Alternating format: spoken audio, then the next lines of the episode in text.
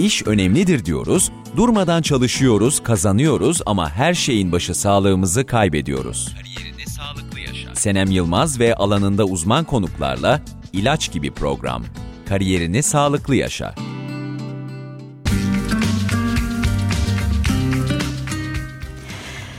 Kariyer gelişiminde sağlıklı olmanın, sağlığımızı korumanın ve bunun bir yaşam biçimi haline getirilmesinin öneminden yola çıkarak sizler için hazırladığımız programımız Kariyerini Sağlıklı Yaşaya hoş geldiniz değerli dinleyicilerimiz. Alanında uzman konuklarla sağlık üzerine sohbet ettiğimiz programımızın bu haftaki konuğu Ege Üniversitesi Tıp Fakültesi İç Hastalıkları Anabilim Dalı Gastroenteroloji Bilim Dalı öğretim üyesi Profesör Doktor Serhat Bor. Hocamızla bugün reflü, ağrı kesiciler ve mide hakkında konuşacağız. Sayın hocam hoş geldiniz demek istiyorum öncelikle size. Teşekkür ederim. Sağ ol, hoş bulduk. Aslında sizi tanıtırken hem bir reflü üstadı hem de reflü ameliyatı geçiren birisi olarak takdim etmek. Evet. Üstelik de profesyonel bir TRT programcısı olarak takdim etmek daha doğru olacaktı sanıyorum. Profesyonel değilim ama bir dönem program yaptık. Radyo daha keyifli bence televizyondan. Çünkü hani televizyonda işe yüz giriyor, beden giriyor. Benim gibi şişmansan, kelsen falan. Hani iyi bir görüntü vermiyorsun. O yüzden böyle radyoda kimse görmeden herkesin hayal ettiği bir kimlikle gitmek daha iyi olabiliyor. Sese hitap etmek daha Aynen. iyi diyorsunuz. Sese ve hayallere. Peki hocam. Şimdi isterseniz programımızın ilk bölümünde reflüden bahsedeceğiz. Bize yemek borumuzu ve mide yapımızı anlatabilir misiniz? Yemek borusu güzel bir organdır. Böyle orada bir boru. Genelde Türk halkının yemek borusu yoktur biliyor musun? E, böyle biraz senli benli olacağız. Biz 40 yıllık dostuz. Sen benim hastamsın falan. İstiyorsanız çok resmi de olabilir mi ama? Estağfurullah. Nasıl yani, isterseniz. Ka- kaç yıllık dostluğumuz var. Şimdi böyle bir yemek borusu, Türk halkının yemek borusu yoktur. Ben derste öğrenciye diyorum ki biz yemeği yeriz mideye ışınlanır. Arası boştur. Kimse bir yemek borusunu bilmez. O yüzden zaten bu ülkede reflü yoktu uzun yıllar. Neyin var? Herkes gastritim var, gastritim var. Yani bir reflü kelimesi yıllar önce TRT'de bir program yapıyorum. Yaşlı bir amca bağlandı. Şimdi bu öksürükle reflü ilişkisi falan konuşuyoruz Almanya'dan muhteşem bir olaydı. Dedi ki evladım rafla mı mafla mı bir şey deyon. Ne, ne deyon bilmiyorum. Bu rafla yoktu da siz mi buldunuz? Vardı da siz mi bilmiyordunuz? Benim hanım öksürüğü. Benim hanım niye öksürüğü? Rafladan mı öksürüğü diye bir soru. Yani o 15 saniyede işin felsefesini yaptı. Reflü yoktu da biz mi bulduk? Yok reflü vardı bilmiyorduk. Sonra sonra bunu öğrenmeye başladık. Ne oldu? Bu midedeki midede şimdi yukarıdan aşağı doğru bir boru var. 20 santim uzunluğunda. Bu borunun aslında bir tek görevi var. Yukarıdan aşağı doğru gıdayı iletmek. Çünkü pratik amaçlarla midenin göğüste yer almamasında yarar var. Hani fonksiyon olarak göğüste yer yok kaburgaların içinde kalp akciğerler doldurmuş. O yüzden doğa mideyi almış ve karnın içine koymuş. E şimdi karnın içine koyunca ya karnımızdan yemek yiyecektik. Pratik olarak zor olduğu için bu.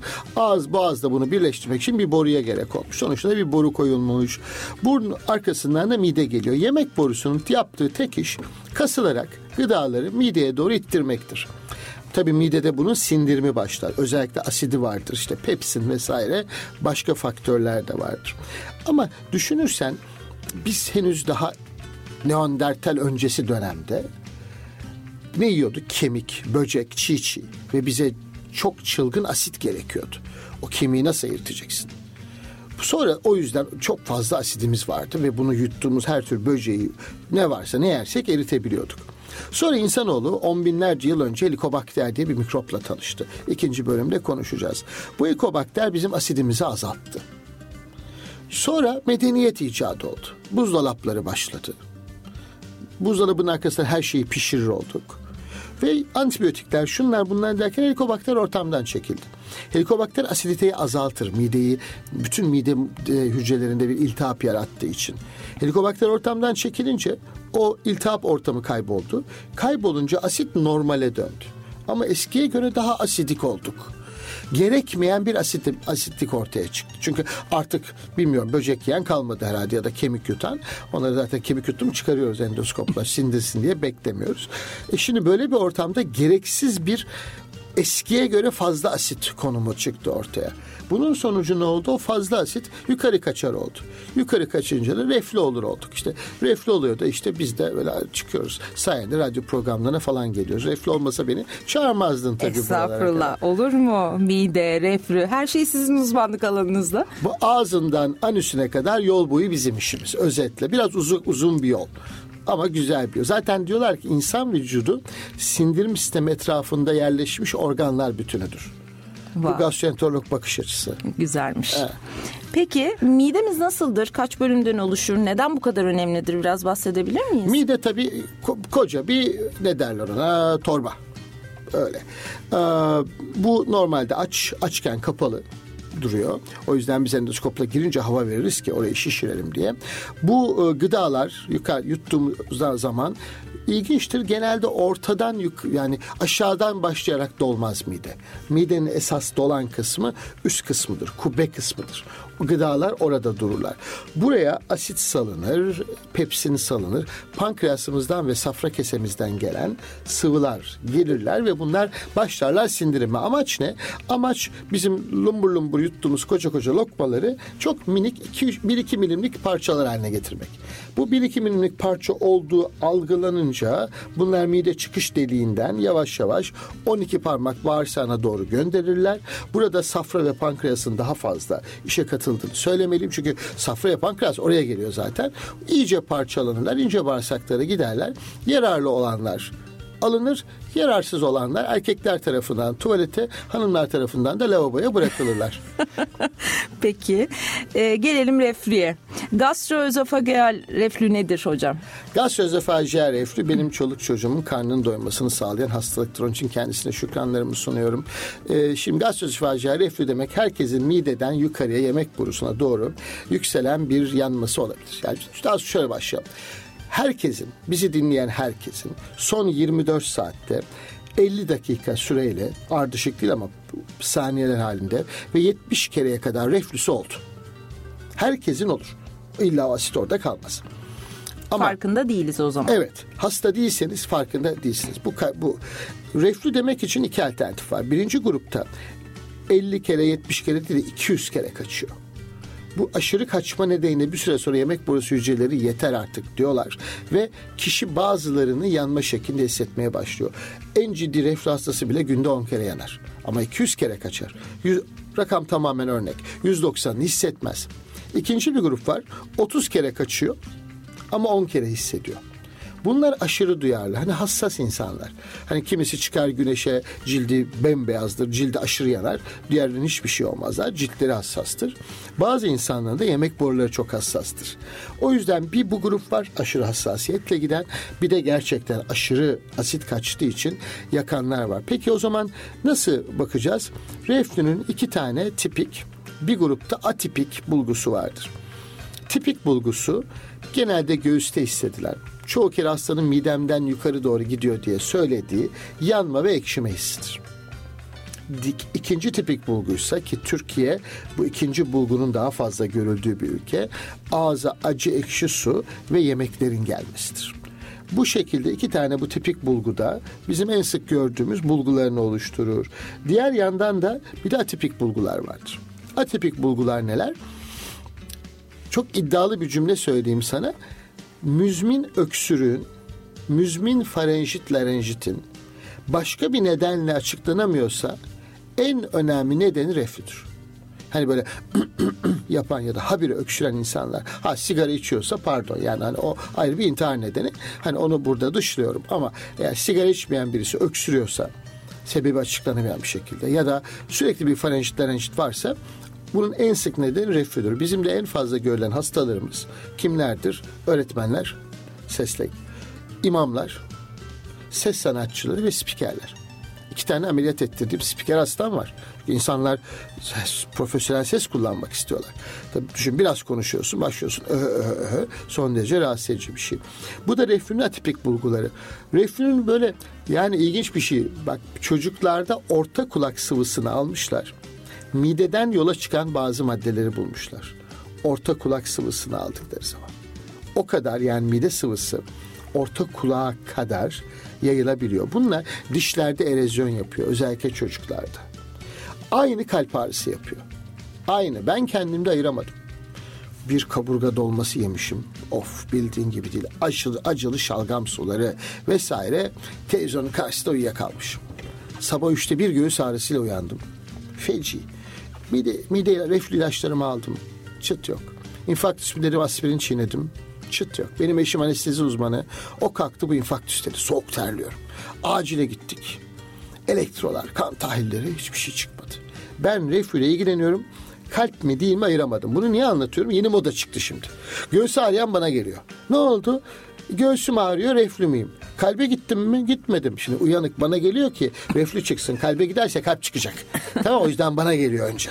Ve ben hepsine diyorum siz bir kardiyolojiye bakın. Ve kardiyolojiyle bir tansiyon bakıldı. İki fıs fıs efendim bir tane ekto çekildi değil kardeşim. Eforu yapılacak, ekosu yapılacak. Ancak o durumda kardiyolog her şey normal derse hastayı alıyorum. Ama unutulmaması gereken bir şey aynı kalp ağrısı gibi göğüs ağrısı yapar, müzmin öksürük yapar, farenjit larenjit yapar ama esas problemler mideden göğüse yükselen yanma, ağza acı ekşi su yemeklerin gelişidir. Reflüde tanım olarak bu tipik semptomların bulunmasıdır. Ha, bunlar herkeste olur. Herkes de olur. Önemli olan yaşam kalitenizi bozuyor mu? Yaşam kaliteni bozuyorsa hastasın. Bozmuyorsa e, yani bana dersen ki ayda bir oluyor, ayda iki oluyor. Ay ben reflü hastasıyım. Ya ben diyorum ki ölüyor musun ya bunun için? Yok hiç aldırmıyor. Hadi diyorum hiçbir şey yapmaya gerek yok güle güle ya. Peki reflü neden bu kadar önemli bir hastalık haline geldi? Mesela sonrasında bir kanser korkusu beliriyor mu? Psikolojik olarak yansımaları nelerdir hastaya? Biz 2000'li yılların başında Menderes'te, Cuma Havası Menderes'te bir çalışma yaptık. Çok iyi bir dergide yayınlandı.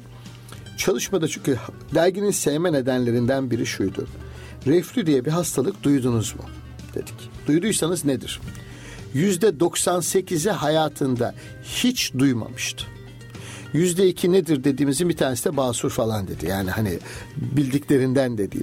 Bundan altı yıl önce tıp birlere biz reflü paneli yapıyoruz tıp birlere. Bunlar daha yeni civcivler. Liseden mezun olmuşlar, tıbba gelmişler.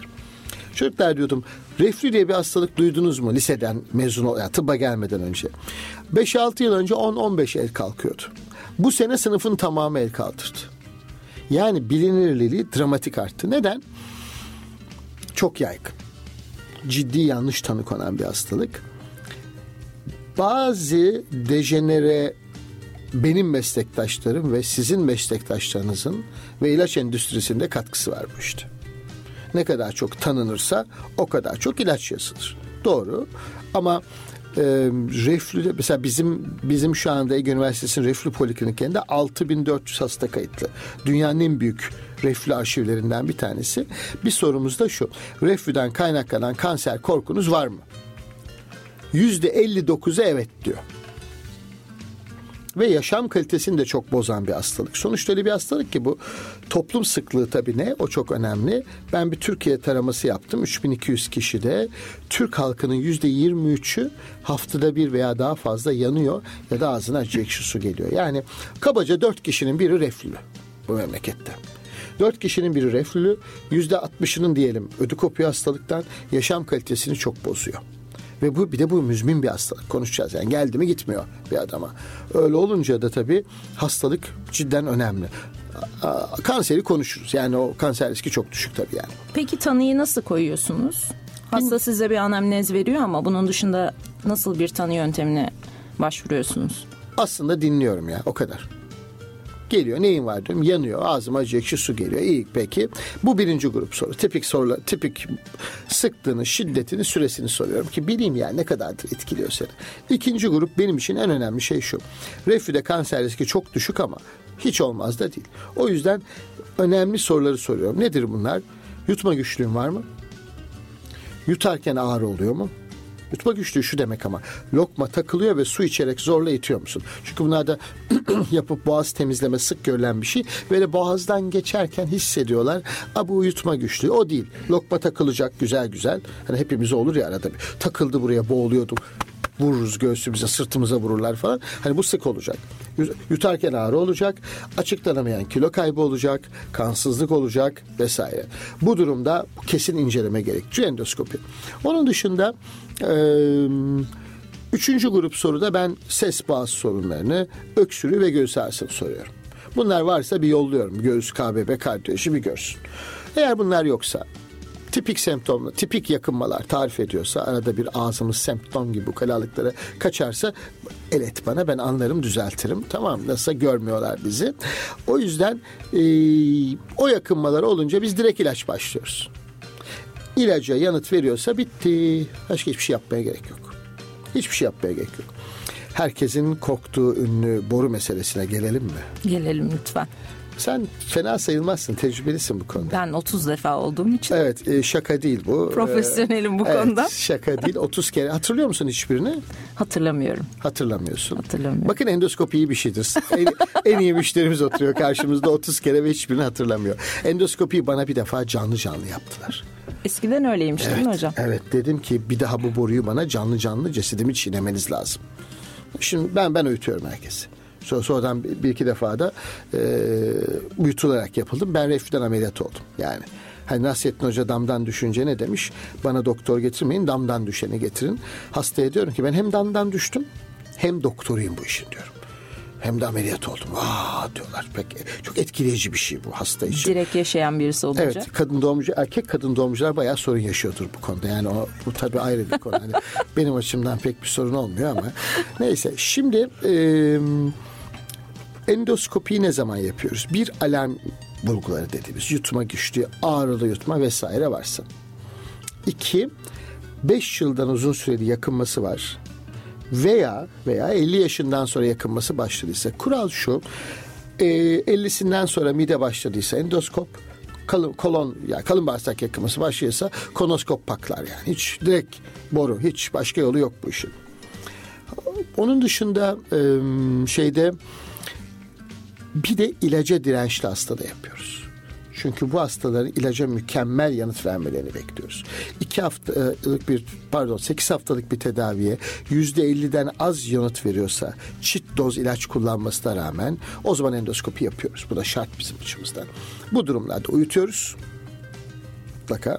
Çünkü uyumaları lazım şimdi. Ü, böyle diye böğren birinin yemek borusunda ne göreceksin? Yemek borusu orada. Uhu, zıplıyor, oynuyor. Yani mümkün değil bir şey görmen. Uyutman lazım ki yemek borusunu doğru düzgün göresin ya.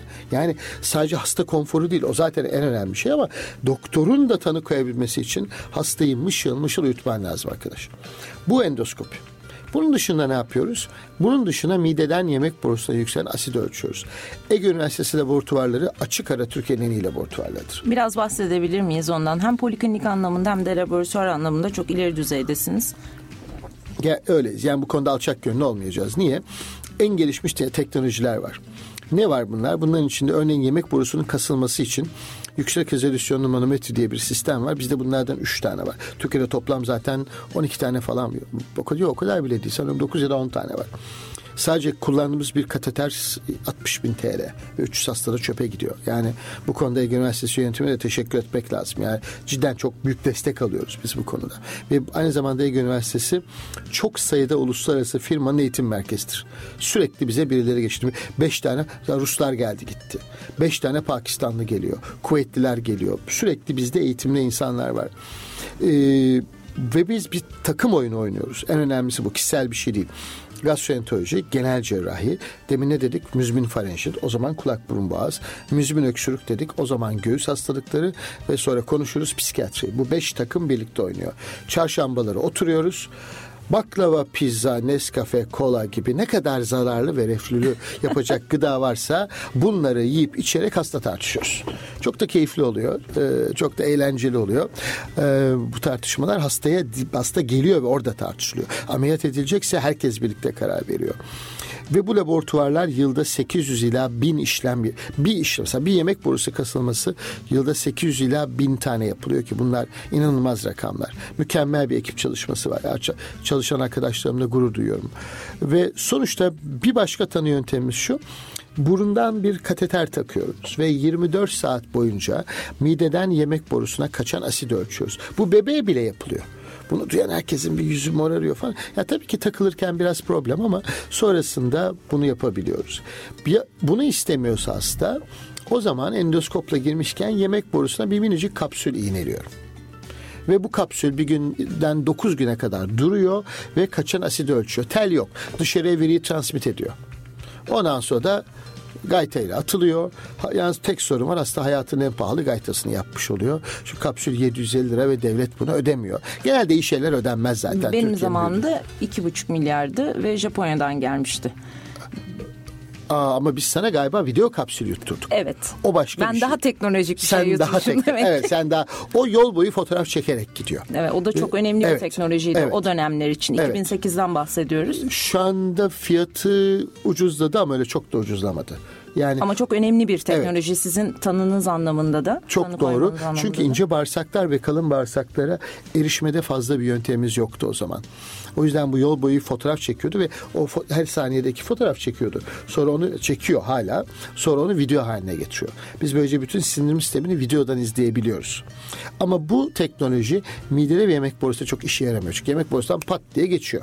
Evet. Yani orada durmuyor. Mideden de hızlı geçiyor. O yüzden esas ince bağırsak. Çünkü sende bizim ince bağırsak ülserleri aramamız gerekiyordu. O yüzden özellikle bu teknolojiyi istemiştik. Unutmuşum bak ben bunu. Sen hatırlatınca Evet şimdi teknoloji geldi deyince benim de aklıma geldi. yani sonuçta bu 24 saatlik tetkikler ne kadar asit kaçtığını gösteren. Bir de hastaya diyoruz ki yandıkça düğmeye bas. Böylece yanmasıyla reflüsü arasında ilişki var mı? Çünkü bir grup hasta var çok ilginç ya. Geliyor cayır cayır yanıyorum diyor. İyi güzel. Endoskopi yapıyorum kuş. Hiçbir şey yok. Kuş çıktı deriz biz. Arkasından şey yapıyor e, hastaya ilaç veriyoruz. Hiçbir şey değişmiyor. 24 saatlik bir asit ölçüyorum. Asit normal. Yandıkça düğmeye bas diyoruz. Vatandaş 30 kere düğmeye basıyor yandım diye. 29'unda reflü yok. Hoppala. Peki psikolojik mi? Valla bu hala çok tartışılıyor. Ben e, iki buçuk yıl Amerika'da kaldım. O zamanki patronuma yakınlarda bir kongrede karşılaştık. Ne diyorsun ya dedim bu gruba. Valla dedi o da benimle aynı fikirde. Bunlar hasta da biz henüz mevcut metodolojilerle bunlara tanı koyamıyoruz. Bir gün konseye böyle bir hasta geldi. Dedim ki vallahi Allah belen versin iki gözüm önüme aksın ki biz sizde bir şey bulamadık. Yani sizin reflünüz yok. Adam döndü bana dedi ki vada sen bilmiyorsun. Şimdi çok güzel bir laf. Muhtemelen ben bilmiyorum. Yani tıp bilmiyor. İleride bunları öğreneceğiz. Bunlarda mesela tedavi çok başarısız. Hiçbir şey yapamıyoruz. Ama bu tür alt grupların tanısını koymanın tek yolu bu sofistike teknolojiler. Hastada biraz tabii zorluk yaşayacak. Reflü ile gastrit karıştırılıyor mu? Herkes genel olarak bir popüler hastalık olarak gastritim var gastritim var diyor ama sanıyorum reflü ile arasındaki farkı burada belirtmemiz gerekiyor değil mi? Evet e, sonra gastriti konuşuruz ama gastrit külliyen yalan bir tanı tamam mı? Külliyen yalan. Elimle elliyorum ben senin mideni. Ondan sonra senin gastritin var. Gastrit demem için endoskopi yapıp biyopsi alıp patolojinin bana gastrit demesi lazım. Öyle elleyerek melleyerek gastrit olmaz. Nereden öğrendiler? Gö- benden öğrendiler gözüm çıksın. Yani iki buçuk sene Elbistan'ın Tilköy'ünde, dört buçuk sene SSK Ok Meydanı'nda ben ellediğim herkese gastrit dedim. Niye biz öyle öğrendik? Herkes herkese gastrit diyordu. Gastrit diye bir hastalık yok. Çok özel durumlar dışında. Onların adı mideyle ilgili ise dispepsi, halk arasındaki adıyla hazımsızlık. Ama olay çok basit. Yakınma göğüste ise reflüdür. Hiç göğüse çıkmıyorsa bunun bu tamamen mideyle ilgili bir konudur. Ya ikisi iki farklı şeydir. Ayırmak kolay. Az çünkü gastritte ağız acı ekşi su gelmez. Onu söyleyeyim sana. Ya, sadece midede olur. Yani karın bölgesinde olur. İman tahtası diyorlar değil mi bu kemiğe? Ee, onun altında olur. Arkasında olmaz. Böyle ayırmak lazım. Az önce bahsettiğiniz biz konseylerde pizzalar, baklavalar, börekler çok güzel. Ne kadar olmaması gereken şey varsa besleniyoruz. Ben de bu konuya parmak basmak istiyorum. Aşırı beslenme hatta obezite reflü ile ilişkili midir? kesinlikle ilişkilidir. Yani mesela yakınlarda biz uyku apnesiyle ilgili bir çalışma yaptık bizim göğüsle. Uyku apnesi reflüyü arttırır. Bunu biz niye arttırıyor diye 1105 kişi taradık uyku apnesi. Çok ilginçtir. Uyku apnesinden bağımsız çıktı. Olay sadece obez olmak. Uyku apnesi hastaları obez oldukları için uyku bu varmış. Şişmanlayan birinin reflüsünde dramatik düzelme olacağını söyleyebilirim sana. Obeziteyle direkt birebir ilişkili. Gerek obez olmak için gösterdiğimiz çabadan, ne bu çaba? O yediklerimiz. Gerekse de obezitenin karında yarattığı basınç değişikliklerinden artı yani bu tabii daha obez olunca daha bir sedanter yaşıyoruz. Daha bir hani e, onların hepsinin katkısıyla çok net bir şekilde ilişkili. Hiç annenler anneanneler hızlı yeme yavrum dedi mi sana? Dedi. Yavaş ye iyi Yavaş ye iyi çiğne evet. Değil mi? Hepimize Evet. söylemişlerdi. Evet. Biz bunu merak ettik ve çalıştık. insanlara bir hamburger menüsünü 5 ila 10 dakikada yedirdik. Bir de 30-35 dakikada yedirdik. 5 ila 10 dakikada 3 kişi bu olarak öldü. Yok şaka yapıyorum ama yani sahiden çok zor bir şey. 5-10 dakikada bir hamburger menüsü yiyin bakalım. Ve aynı kişiler. Reflü sayısına baktık. İlginç bir şekilde değişmiyor ya. Yani anneannemi buradan rahmetli anıyorum. Vallahi değişmiyor. Mide için olasılıkla kötü çünkü sindirilmeden koca bir gıda iniyor. Ama reflü etkisi yok hızlı ya da yavaş yemenin. Bu bir Avrupa'nın iyi dergilerinden birinde yayınlandı ve hani e, ben tartışmaya şeyle başladım. Anneannem böyle diyordu diyerek başladığım bir İngilizce metindir. Ee, siz İngilizce eğitim veriyorsunuz değil mi? Evet. My, my, yeah, my grandma told me that yani bu Türkçe bilmeyenler için let me, let me speak in English. Peki burada şunu sormak istiyorum. Reflü madem bu kadar önemli bir hastalık, mide dışında hangi organlara etki ediyor? Bir kere dediğim gibi boğaz. Bu çok kritik. Yani kronik farenjit, larenjit ve bir de tabii müzmin öksürük. Gece gelen astım ataklarında da reflü suçlanıyor. Gece Burada önemli bir şey şu bu hastalarda tipik reflü yakınmaları olmuyor. Yanma ve acı ekşi su gelme. Varsa zaten tamam dükkan benim o zaman. O aman ne güzel hemen. Ama bu hasta mesela bir tek bize öksürükle geliyor. Bize gelmiyor tabii. Göğüse gidiyor. Göğüs bize yolluyor. Ya da bir tek yanma ekşimeyle geliyor bu hastalar. O yüzden bu bu grup özel bir grup ve bunları özellikle dikkate almamız gerekiyor. Onların te, onlarda çok da zorlanıyoruz. Çünkü tedaviler de çok başarısız. Bir boğazınızı düşünsenize şu anda biz neler yapıyoruz boğazımıza burada bile. Ben konuşuyorum, çay içiyorum, elime dökmediğim çayı boğazıma döküyorum ya. Haşlanıyor zavallım yani. Böyle bunun gibi bir sürü şey var. O yüzden bu tür tedaviler, bu tür alt grupların tedavisi çok daha kötü. Peki programımızın ilk bölümünün sonuna gelmeden önce gebelikte de reflüyü sormak istiyorum. Hı hı. Biliyoruz ki gebelerin e, tedavisi son derece zor oluyor. Hele bir de reflü hastasıysa bu nasıl olacak? Tedavi yöntemleri nelerdir? Gebelik reflüsü yüzde en az 50. En az 50. Gebelik reflüsüne halk ne der biliyor musun? Çocuk saçlanıyor derler. Hiç duydun mu? Duymadım. Ha, evet bulantıları oluyor sürekli evet, diye değil çocuk mi? Çocuk saçlanıyor Çok derler. saçlı bir çocuğun evet, olacak. Böyle diye. bir çalışma da var o da ayrı. Gebelik eflüsü olanın çocuğu daha saçlı doğuyormuş. Şimdi e, bu yüzden gebelik eflüsü çok sık ve gebelik ve bir de emzirme. Şimdi burada esas gözden kaçan hiçbir doktorun da düşünmediği faktör şu. Emzirme eşittir gebeliktir. Çünkü ilaç içiyorsa anne sütüyle bebeğine de az az buçuk veriyor. İşin kötü tarafı da emzirme dönemine ait hiçbir çalışma yoktur. Sıfırdır yani. O ilaçlar süte geçiyor mu diye. Bu çok acı bir durum. Biz bir tane başladık ama dört yılda topu topu dokuz hasta var.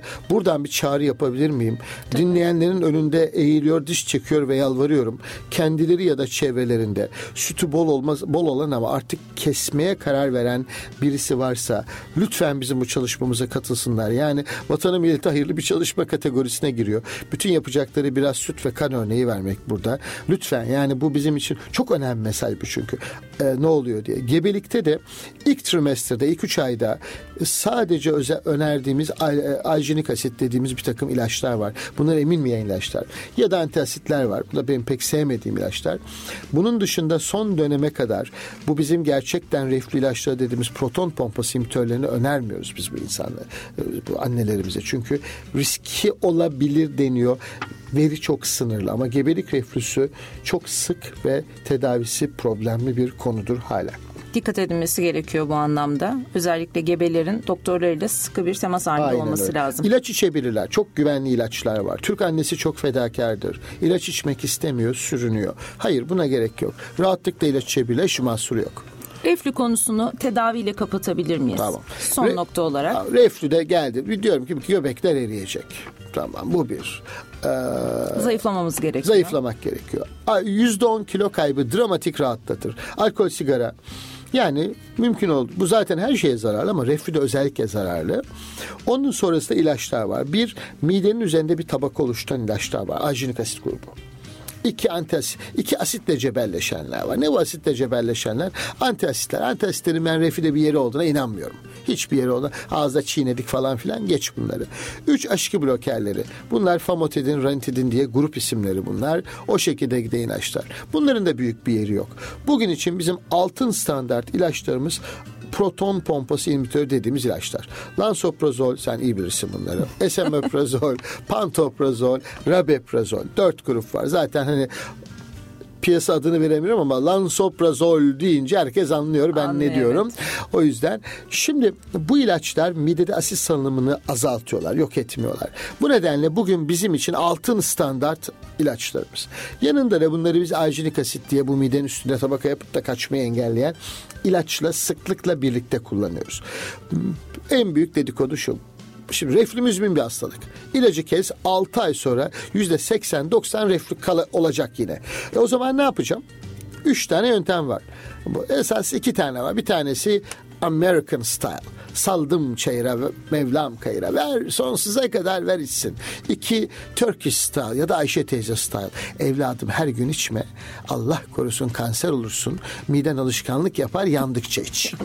Ayşe teyze sonuna kadar hakkıdır. Madem kökünü kazıyamıyorum ben bunların çoğuna yandıkça veriyorum. Reflü genetik midir? Yok hayır şu an yok demeyeyim. Geçen daha yeni bir seminer yaptık bu konuda. Henüz hiçbir kanıt yok. Henüz hiçbir kanıt yok. O nedenle biz bu hastalara ilacı veriyoruz içsin diye.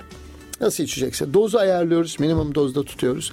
Eğer bir yerde yeter abiciğim artık ben bıktım diyorsa hasta o zaman iki tane tedavi var. Ya ameliyata veriyoruz çok iyi cerrahlarımız var.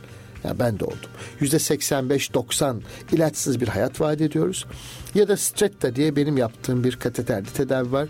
Bu tedavide de yüzde 65-70 çok daha kolay cerrahiden çünkü. Yüzde 65-70 başarılı bir işlem ve bir hayat vaat ediyoruz. Yani iyi merkezlerde yapacak çok şey var. Sadece ilaç değil. Peki. Profesör Doktor Sayın Serhat Bor'la programımızın ilk bölümünde reflüyü konuştuk. Şimdi kısa bir müzik arası vereceğiz. Sonrasında ağrı kesiciler ve mide hakkında konuşacağız. Sonra sizlerle tekrar burada birlikte olacağız.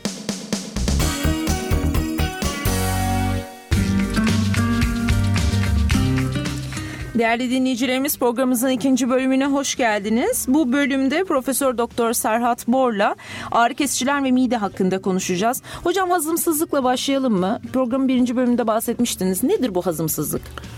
Bilmem. Hastalar, börekler, çörekler. Ya, hazımsızlık hastanın ben hazmedemiyorum kardeşim dediği şey aslında. Şimdi yani bu bir hasta tanımı. Bu bir hekim tanımı değil.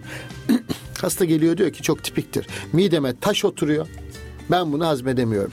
Son iki haftada önce Pakistan'da sonra Azerbaycan'daydım. Her ikisinde de sordum. Ya sizde de var mı böyle bir şey diye. Benim ilgimi çeken şey mesela bir bu gebelik demin konuştuk ya çocuk saçlanması. Evet. Bunu da sorarım. Bütün dünyada var. Tüm kültürlerde gebelik reflüsüne çocuk saçlanması diyorlar. Niye bu uzaylılarla gelmiş bu? O yüzden beynimize sokmuşlar. Bu hazımsızlığı da herhalde onlar soktular beynimize. Çünkü orada da var. Aynen dediler. Yani midemde bir taş var. Hazmedemiyorum. Hem Pakistan hem Azerbaycan kültüründe var. Şimdi hasta bunu anlatıyor. Aslında hazmediyor hazmediyor. Şimdi burada bu hazımsızlık ya da dispepsi diye tarif edilen şeyin iki boyutu var. Bir bizim organik neden dediğimiz altında ciddi bir hastalık yatanlar. İki endoskopi yapıyorsun, sokuyorsun boruyu, bakıyorsun pırıl pırıl hiçbir şey yok. Hasta diyor ki çok kötüyüm ya. Taş var, ağrıyor, yanıyor. Reflü değil, o başka bir şey. Yukarı gitmiyor. Mideye özel. Bu berbat bir şey. Şimdi bu durumda bunun bir tanesinin adı organik dispepsi, birinin adı fonksiyonel dispepsi.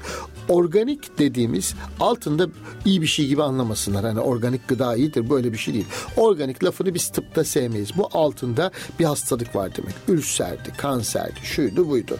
Ya da işte bir sürü neden olabilir. Fonksiyonelse dediğim gibi tamamen normal. Öyle, işte ilk grupta en azından tanıyı koyuyorsunuz. Yani giriyorsun bakıyorsun ülser var. Tamam. Ama ikinci grupta sıkıntı şu. Tamamen normal bir mideye ne diyeceksin? Hasta yalan mı söylüyor yani? Hayır, yalan söylemiyorlar. Buradaki problem şu. Bu hastaların algı eşikleri çok düşük. Yani herkesinki kadar asit, herkesinki kadar gaz, herkesinki kadar yemek bu hastalara aşırı geliyor. O yüzden de normali fazla algılayan eşikleri düşük bir grup var karşımızda. Bu tabii tedavisi de çok zor bir grup. Yani zaten yok kendini işaret ediyor. Şimdi o sen senin ülserlerin vardı güzel güzel. Yani Ama benim sen, de eşiğim çok düşüktü. Doğru ama sen organik dispepsisin. Sizin sevmediğiniz evet. Evet bizim sevmediğimiz midenin ülserler olduğu için. Ee, başlangıçta olasılıkla fonksiyonel dispepsiydi. Endoskopilerin normaldi. Sonrasında organik dispepsi oldu. Ee, şimdi bu durumda tabii hastaya bunu anlatmak çok zor. Bu psikolojik mi? Kesinlikle hayır. Bu laf çok duyulur. Aynı spastik kolit denilen bağırsak problemi. Senin derdin psikolojik değil arkadaş. Bunların derdi psikolojik değil. Buradaki sorun şu. Mide zaten hassas. Bir de üzerine psikolojik bir sorun bindi mi çok daha hassas hale geliyor. Ben diyorum ki evde kaynanan var aranda iyi değil. O gün işten eve gittin, baktın ettin. Ya bugün çok mutlusun ya. Kaynanan kafana ne kalksa aldırmıyorsun. Öyle diyor hasta. Ama diyorum kalktın bugün ev işte çok kötü gitti hayat. Kalktın eve geldin kaynanan baktı kızım bugün ne güzelsin dedi. O laf sana batıyor değil mi diyorum. Evet diyor hasta. İşte mide de böyle diyorum. Yani hassassan zaten hassassan psikolojik olarak bir hassasiyet. Şey, miden de zaten bir hassasiyet Her şey etki ediyor. Üzerine psikolojik bir şey bindiği anda olay seni dağıtıyor. Ve bunun tedavisi ciddi bir sıkıntı o zaman da. Yani burada biz mesela sonra tedavide konuşuruz. Burada o hassasiyeti güzel e, azaltan tek ilaç grubu psikiyatrik ilaçlar. O yüzden daha hep şöyle bir imaj var herkeste. Bu hastalık psikolojik. Hemen beyler kafaya kalkmaya başlıyorlar. Senin zaten hiçbir şeyin yok psikolojik ben sana söyledim. Yok o kadar kolay değilmiş. Peki hangi tür alışkanlıklar veya besinler midemizi rahatsız ediyor? Bu hazımsızlık dediğimiz şeyi hmm. bize hissettiriyor. Valla aynı gün iki tane hasta geldi. Biri geldi dedi ki bir tek patlıcan yiyebiliyorum. Her şey beni çok bozuyor. O çıktı inan bana bir sonraki geldi dedi ki hocam ya patlıcan yersen mahvoluyorum. Ben çok başarılı bir doktor olarak birinciye sen patlıcan ye dedim. İkinciye sakın patlıcan yeme dedim.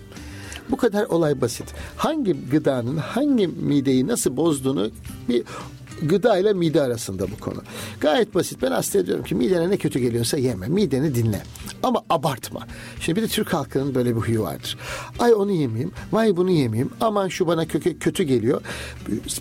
Midelerini şımartıyorlar çok şımarık bir çocuk gibi oluyor. Mide insanı parmağın ucunda oynatmaya başlıyor. Bu kadara gerek de yok ya. Allah aşkına ya diyetin çok büyük bir etkisi yok. Fonksiyonel olandan bahsediyoruz. Altta bir neden olmayandan. Asla katı bir diyet önermiyoruz bunlarda. Reflüde konuştuklarım burada da geçerli. Alkol kötü. Bunu herkes biliyor. İkincisi ağrı kesiciler ve aspirin. Aspirin artık jenerik isim onu kullanabiliyoruz. Ağrı kesiciler öyle yani piyasada başım ağrıyor yok adet ağrısı dizim ağrıyor deyip lambur lumbur içilen ilaç var. Kalpten ölmeyeyim deyip aspirin içen bir popülasyon var. Onu şu, burada bir parantez açayım bu benim yaramdır çünkü. Çok net evet ben trigliseridin 5 yüksek çıktı aspirin içeyim. İç canım kalpten ölme olasılığım belki biraz azalıyor ama sindirim sistemi kanaması ya da beyin kanamasından ölme riski artıyor. Buradan net bir çağrı yapıyorum primer profilaksi denilen yani hiçbir kalp olayı geçirmemiş. Anjiyosu yok, stenti yok, bypass'ı yok. Onlar tabii kullanacak. Bu hastada aspirin kullanımı önerilmiyor çok net kriterler gerekiyor. Doktorlarıyla tartışsınlar. Çünkü inanılmaz bir aspirin kullanım dejenerasyonu var bir ülkede. Aspirinin, çocuk aspirini 100 miligramdır. Midede endoskopik hasar yapma dozu 10 miligramdır. 10 miligramlı hasar başlar. Büyük aspirini 500 miligramdır. Lütfen buradan yine bir yalvarayım. Ne olur gereksiz yere aspirin içmesinler. Kanayarak ya da beyin, o, beyin kanamasıyla geliyor. Doğru kalpten koruyor. O yüzden kardiyologlar da yani e, bu işi iyi bilen kardiyologlar vermiyorlar. Gereksiz yere aspirin. Konunun dışına çıktık ama bu çok önemli bir halk sağlığı bilgisi. Bu yüzden bu ağrı kesiciler ve aspirin de çok net bir şekilde bu hastaların hazımsızlık ya da mide ağrısı problemlerini de etkiler. O zaman buradan şöyle bir e, sonuç çıkarabiliriz.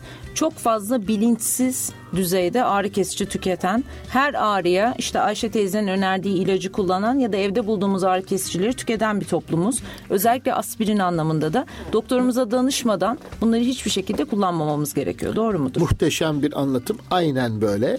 Bu e, ağrı kesici içeceklerse parasetamol grubu. Parasetamol. Parasetamol bilinen en güvenilir ağrı kesicidir. Peki mide ağrısı ve mide yanması neden olur? Ağrı kesiciler ne kadar etkilidir? Gıdalar ne kadar etkilidir ve nasıl vücudumuz tepki verir? Şöyle bir genel düşündüğümüz zaman önemli bir kısmı her şeyin bir kere tabii ki nonsteroidler yani ağrı kesiciler aspirin birinci grup. İkinci bir başka grup biraz önce bahsettiğimiz hassas sindirim sistemi. Üçüncü bir grup şu ünlü böcek. Halk böcek diyor. Helikopter böceği diyorlar. Helikobakter pylori diye bir bakteri bu. Üçüncü grupta bu. Tabii bir de bunun altında çok daha düşük oranda kanser. Biz e, Ege Üniversitesi'nin önderliğinde midesi ağrıyanlarda 20 pardon 48 merkez 2600 hastalık bir endoskopik tarama yaptık tüm Türkiye. Dev bir taramaydı bu. Kanseri 8 kişide bulduk. 2600'de 8. Mide yakınmasıyla doktora gidenlerdi. Benim ülkem bunu sonra konuşuruz. Benim ülkem kolay kolay kanser olmuyor. Yani da kanserle gelmiyorlar doktora. Bu iyi bir şey. Burada helikobaktere girmek lazım. Helikobakter bir böcek. Mikrop. Bakteri. Böcek demeyelim. Esprisi bu. Yanlış anlamasınlar. Midemde böcek var diye. bu bir bakteri. Türk halkının yüzde 75 ila 82'sinde var. Ya bu demektir ki yani Türk halkının %75'i kel olsaydı kellik normal bir şey olurdu. Saçlı olanlar anormal olurdu. Bu bakterinin bulunduğu insanların çok küçük bir bölümü ülser, çok çok çok küçük bir bölümünde ise kanser riski var. Batı ülkelerinde bu bakteri %15-20 görüldüğü yerde vurulacak emri var bunlar hakkında. Helikobakter buldun mu katledeceksin kardeşim diyorlar. Benim ülkemde yüzde yetmiş ise içme sularına antibiyotik katmam gerekiyor o zaman yani. Doğru mu? Herkes bunu ya böyle bir saçmalık olmaz. Bu inanılmaz bir maliyet. Bir ara ben hesaplamıştım. Sağlık Bakanlığı bütçesinin 3 katıydı. Ülkedeki herkes antibiyotik yani helikobakter pozitif antibiyotik başlamak. O yüzden Türkiye Helikobakter pylori çalışma grubu veya benim koordinatör olduğum Türkiye Motilite çalışma grubu biz hepimiz aynı şeyi söylüyoruz. Böyle geldi genç kız midem ağrıyor, şişiyor. Helikobakteriyle uğraşmayın. Ülser yoksa helikobakteri tedavi etmiyoruz. Hele bir defa tedavi ettik dirençli yok. Kimin helikobakteri tedavi edilmeli? Ve bunu doktoruyla tartışmalı bizi dinleyenler. Yani doktor vermek istediği zaman da bir, birinci derece akrabada mide kanseri varsa. Benim büyük teyzem mide kanserinden rahmetli oldu. Annemde hiçbir şikayeti yoktu. Helikobakterini ben yok etmiştim. Ona rağmen 7 yıl sonra annem mide kanseri oldu. Ameliyat oldu, kurtuldu. Onun bir küçüğü helikobaktere bağlı ciddi kanser riski taşıyor. Bak bu bir aile. Burada bütün aileyi helikobakteri kafadan yok edeceksin. Helikobakter pylori genetik mi o zaman? Değil. Değil Bu çevresel, bulaşıyor. Bulaşıyor. Ve bir de alt grupları var. Bazısı çok saldırgan, kansere gidiyor. Çok büyük bir kısmı değil. İki, ülseri varsa kişinin ha tamam kesinlikle helikobakter yok edilir. Üç, ağrı kesici içiyor. Biraz önce bahsettim ve midesi ağrıyorsa ağrı kesici bir risk, helikobakter bir risk. Bari helikobakteri yok edelim, ağrı kesici yok edemeyeceksek. Dört, mide ameliyatı geçirmiş her nedenle. Neden? Bu hastalarda helikobakteri yok etmek öneriliyor. Bir de bunun alt grupları var yani işte onlar detay ama yani normal hiçbir şikayet olmayan pırıl pırıl biri kalktı geldi midem ağrıyor, şişiyor o kadar. Hiçbir ayrı öyküsü yok. Bunlar da o kadar da gerekmiyor helikobakter pylori. Mide ülseri nedir hocam? Mide ülseri mide de yara derler yani. İşte öyle bir şey. Yani bu 5 milimden büyük olacak. Ee, midenin değişik yerlerinde olabilir. Mide ülserlerinin %5'i baştan kanserdir. Midede ise şimdi sindirim sisteminde iki, birkaç yerde ülser olur. Yemek borusunda olursa bu reflüdür.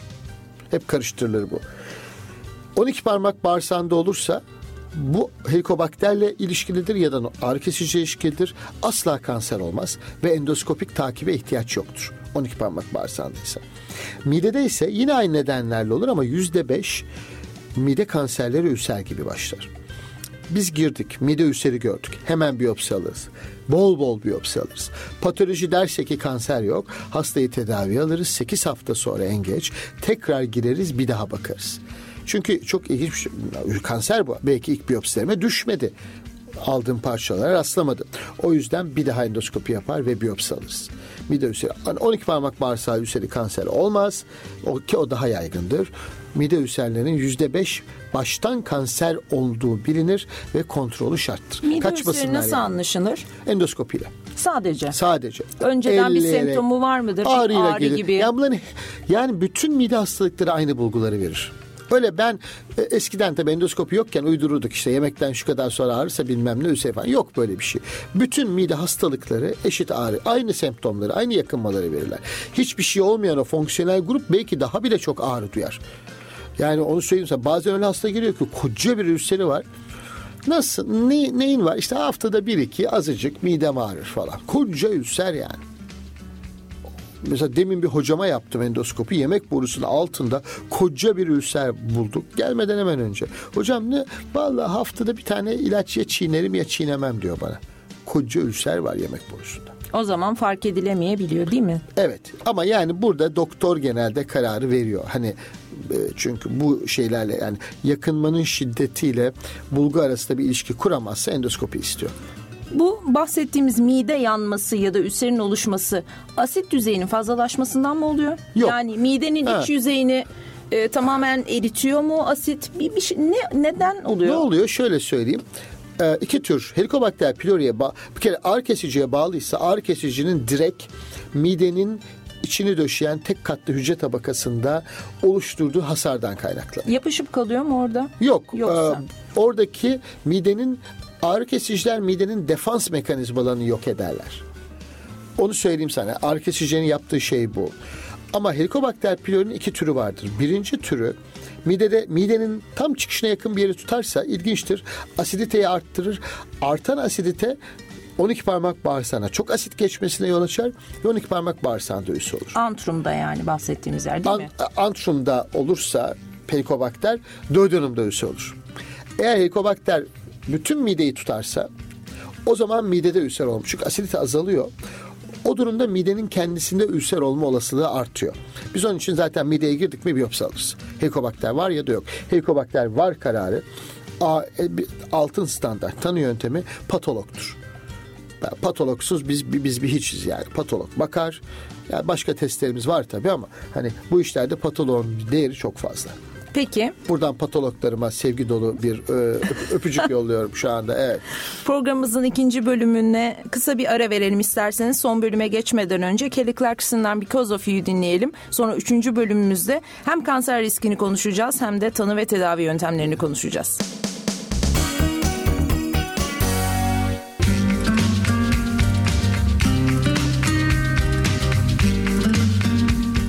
Değerli dinleyicilerimiz programımızın 3. bölümüyle sizlerin karşısındayız.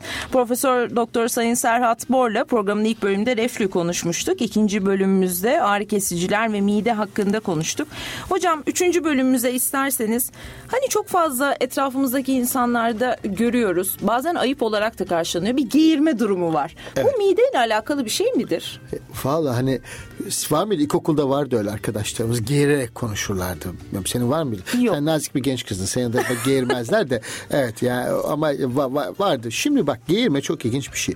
Benim üç hastamın biri. Ben reflücüyüm ya. Kalkıyor geliyorlar. Bir de geğirme düzelmediği için reflü tedavisiyle ona gidiyor, buna gidiyor, buna gidiyor. En son adımız geğirmeciye çıktı. Kalkıyorlar bana geliyorlar. İki tür geğirme var. Midesel geğirme, yemek borusal geğirme. Midesel geğirme hani bir kolalı içecek içersin. Midende birikir. Gark diye bir güzel geğirirsin. Bitti. Geğirme ayıp bir şey değildir. Yellenme de ayıp bir şey değildir. Bunlar bizim bir parçamız. Bunlar gazımız. Çıkartın. Yellenme için muhteşem bir Anadolu sözü var. Diyor ki koy ver kulunç olacağına gülünç ol. kulunç nedir biliyor musun? Evet. Ha, yeni jenerasyon bilmiyor. Derste anlatıyorum kimse gülmüyor. Böyle bakıyorlar. Kulunç bu sırta saplanan şiddetli ağrılar falan işte. Gerçekten de çok hoş bir laf. Şimdi geğirmedeki esas problem bu kişiler farkında olmayan hava emiciler. Yukarıdan havayı emiyor, yemek borusunun içine dolduruyor ve dışarı çıkarıyor. Psikiyatristler diyorlar ki dertlerini içine atan, dışarıya vuramayan insanların kendileri yerine geğirmeleri konuşur. Ve ben sorarım geğirmeyle gelen hastaya. Buna hiçbir ilaçtan da yarar görmezler. Nasıl görsün ki? Kendi havayı yutuyor. Ben şu diyorum ki hastaya parmağını sıcak şeye koyuyorsun. Sokuyorsun sonra çıkarıp diyorsun ki bana yanık merhemi ver. E yani yapman gereken şey çaya sokmamak. Yanık merhemi ne yapsın yani buna?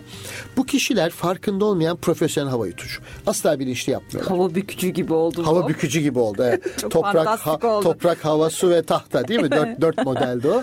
Evet ya bu da böyle bir şey. Şimdi burada e, dert, bunların yüzde 95'i içe dönük kişilikler.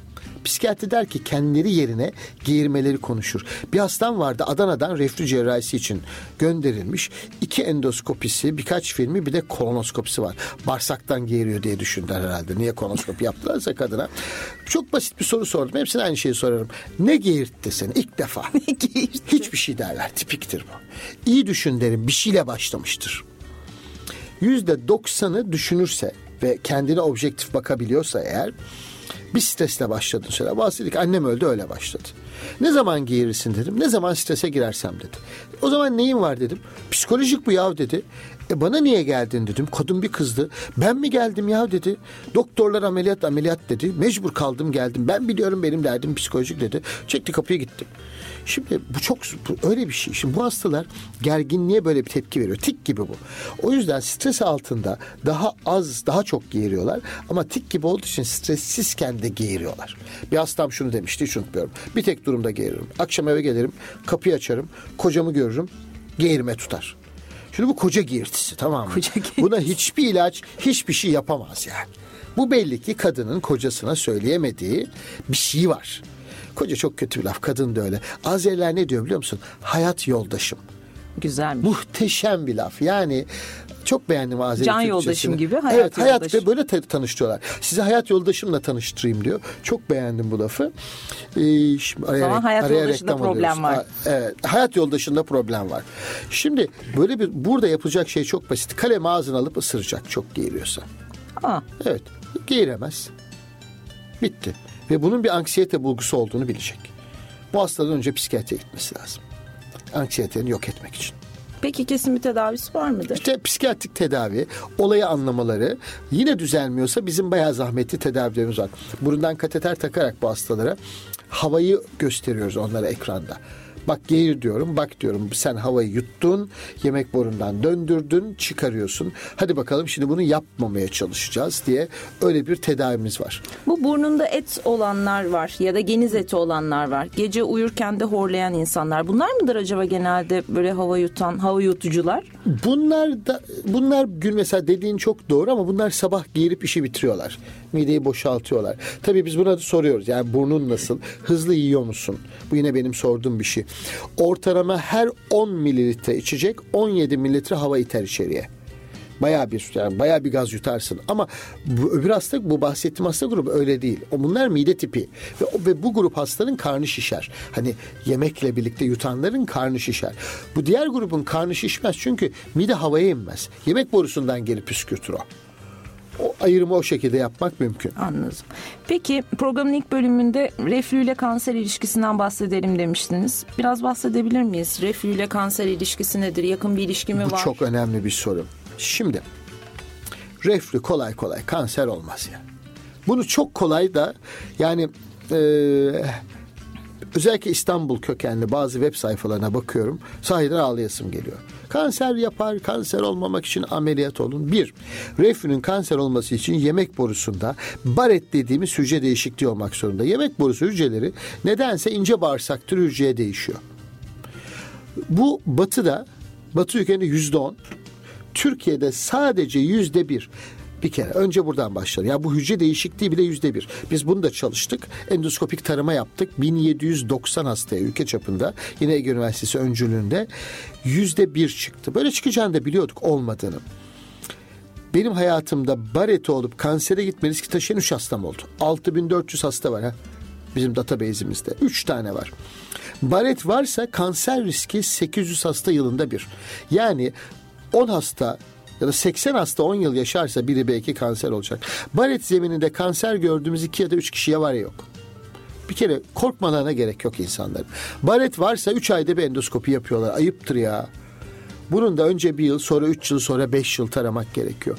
Sonuçta benim baret olup kansere giden hiçbir hastam yok ki hayatımda görmedim ki yani iyi hasta görürüm reflüden. Yani o yüzden bu burada insanları korkutmamak lazım. Bir başka şey bir defa baretin yoksa bir daha olmayacak. Hasta geliyor diyor ki de yapıldı 3 yıl önce e, o tarihten beri daha çok yanıyorum ben. Baret oldum mu bir bakın. Hayır olamazsın arkadaş. Baret ya vardır ya yoktur. Bir sonradan baret olmuyorsun. Mesela meme kanseri öyle midir? Mammografi yaptırırsın. Her 3 ila 5 yılda her neyse bir, bir, bir daha yaptırman lazım. O arada gelişmiş olabilir. Ama barette böyle bir şey yok. O yüzden doğru düzgün okuma yazma bilen birisi tarafından endoskopi yapıldıysa bu, tanımın altını doldurmuyorum. Ondan sonra bir daha baret var mı yok mu diye bakmaya gerek yok. Hastayı da yanlış yönlendirmemek Aynen. lazım. Bir endoskopi, bir lazım. endoskopi, yani ikide bir endoskopi kesinlikle yapılmamalı bu hastalara. Çok önemli bir şey daha. Bir baret hastası ömür boyu mide ilacı kullanır. Ne yazık ki kesemiyoruz. Fakat Cerrahi barette kanserden korumaz. Bir de böyle bir dejenerasyon var. Senin baretin var ameliyat edelim kanser olma. Yok böyle bir şey arkadaş. Yok böyle bir şey. Kanser olacaksa zaten bir şekilde ama biz onu saptarız. Yani oluyor, akşam yatıp sabah kalkıp kanser olmuyor bu. Hastanın bareti varsa orada önce bir takım hücre değişiklikleri oluyor. Displazi diyor. Mesela diyelim ki displazi oldu. Endoskopla girip o bölgeleri çıkarabiliyoruz.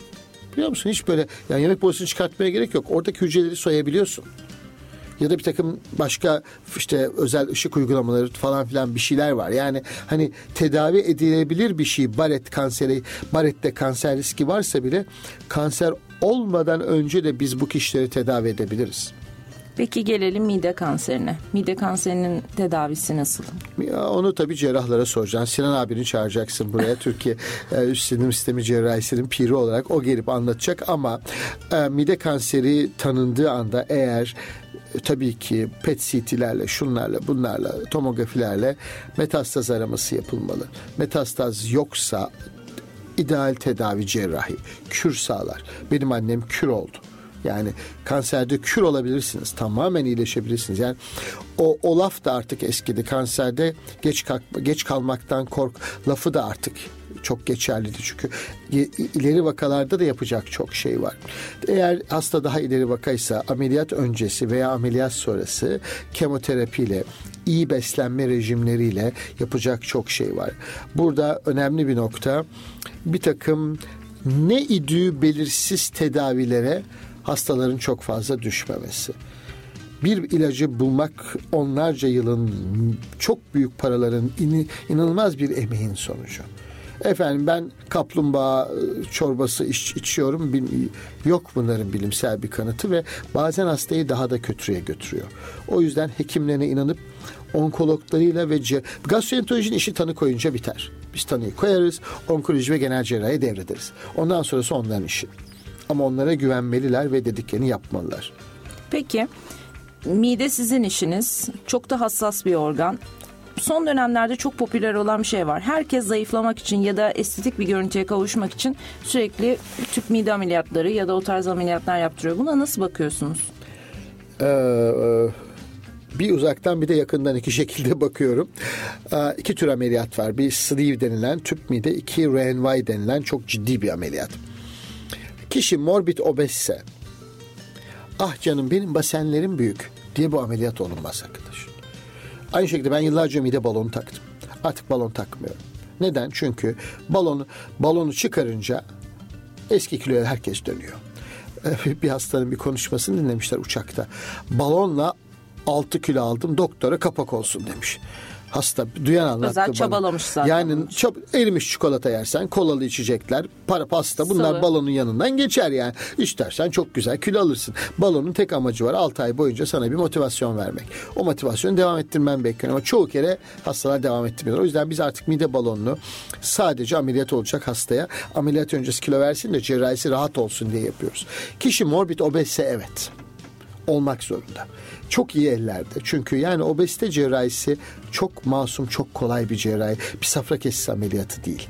Çok popüler oldu çünkü. Herkes evet. yaptırmaya başladı. Evet yani e, yiyeyim edeyim sonra da ameliyat olayım. Evet. Yani tabii ki en ideali kilo vermek. Yani burada endokrin ve diyet uzmanlarının takibinde ama hiçbir yol bulunamadıysa karşı değilim. Hangi cerrahinin seçileceği de bir sürü kriter var. Mesela kişinin reflüsü varsa ciddi sleeve, tüp gastrostomu olamıyor.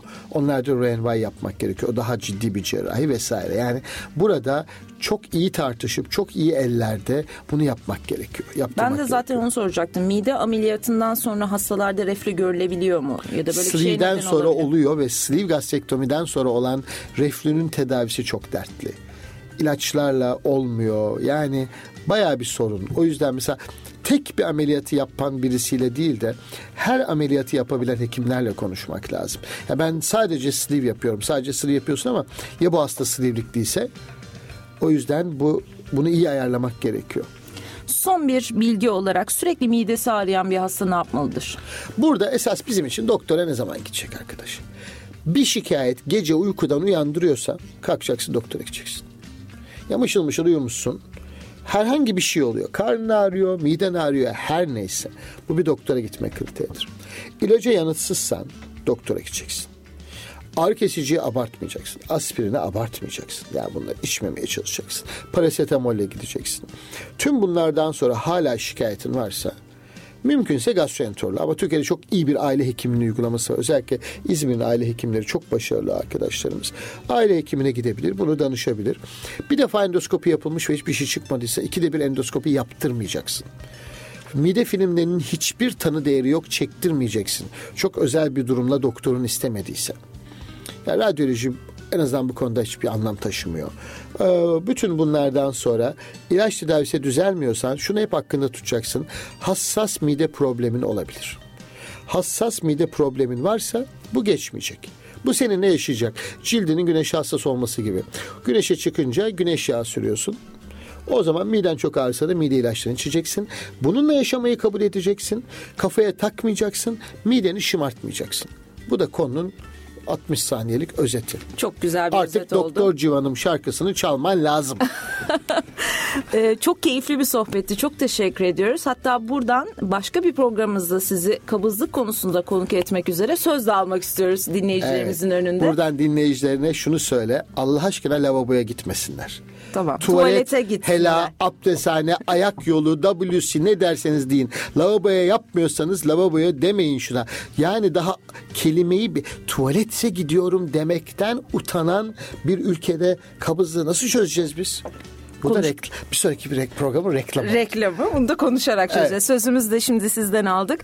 Değerli dinleyicilerimiz bugün çok keyifli bir sohbet. Aslında çok önemli bir konuyu çok keyifli bir şekilde bizlere aktaran Ege Üniversitesi Tıp Fakültesi İç Hastalıkları Anabilim Dalı Gastroenteroloji Bilim Dalı öğretim üyesi Profesör Doktor Sayın Serhat Bordu. Reflü ağrı kesiciler ve mide hakkında doğru bildiğimiz yanlışları konuştuk. Neler yapmamız gere- gerektiğini konuştuk. Hocamıza bir kere daha teşekkür ediyoruz. Önümüzdeki hafta baş dönmesi ve işitme kaybı konuşacağız. Konuğumuz Ege Üniversitesi Tıp Fakültesi Kulak Burun Boğaz Anabilim Dalı öğretim üyesi Profesör Doktor Tayfun Kirazlı olacak. Hocamıza sorularınız varsa senem.yılmaz yaşaredu.tr adresine program gününe kadar gönderebilirsiniz.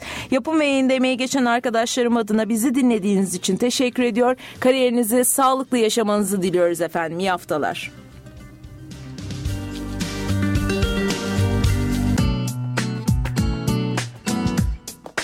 İş önemlidir diyoruz, durmadan çalışıyoruz, kazanıyoruz ama her şeyin başı sağlığımızı kaybediyoruz. Senem Yılmaz ve alanında uzman konuklarla ilaç gibi program. Kariyerini sağlıklı yaşa.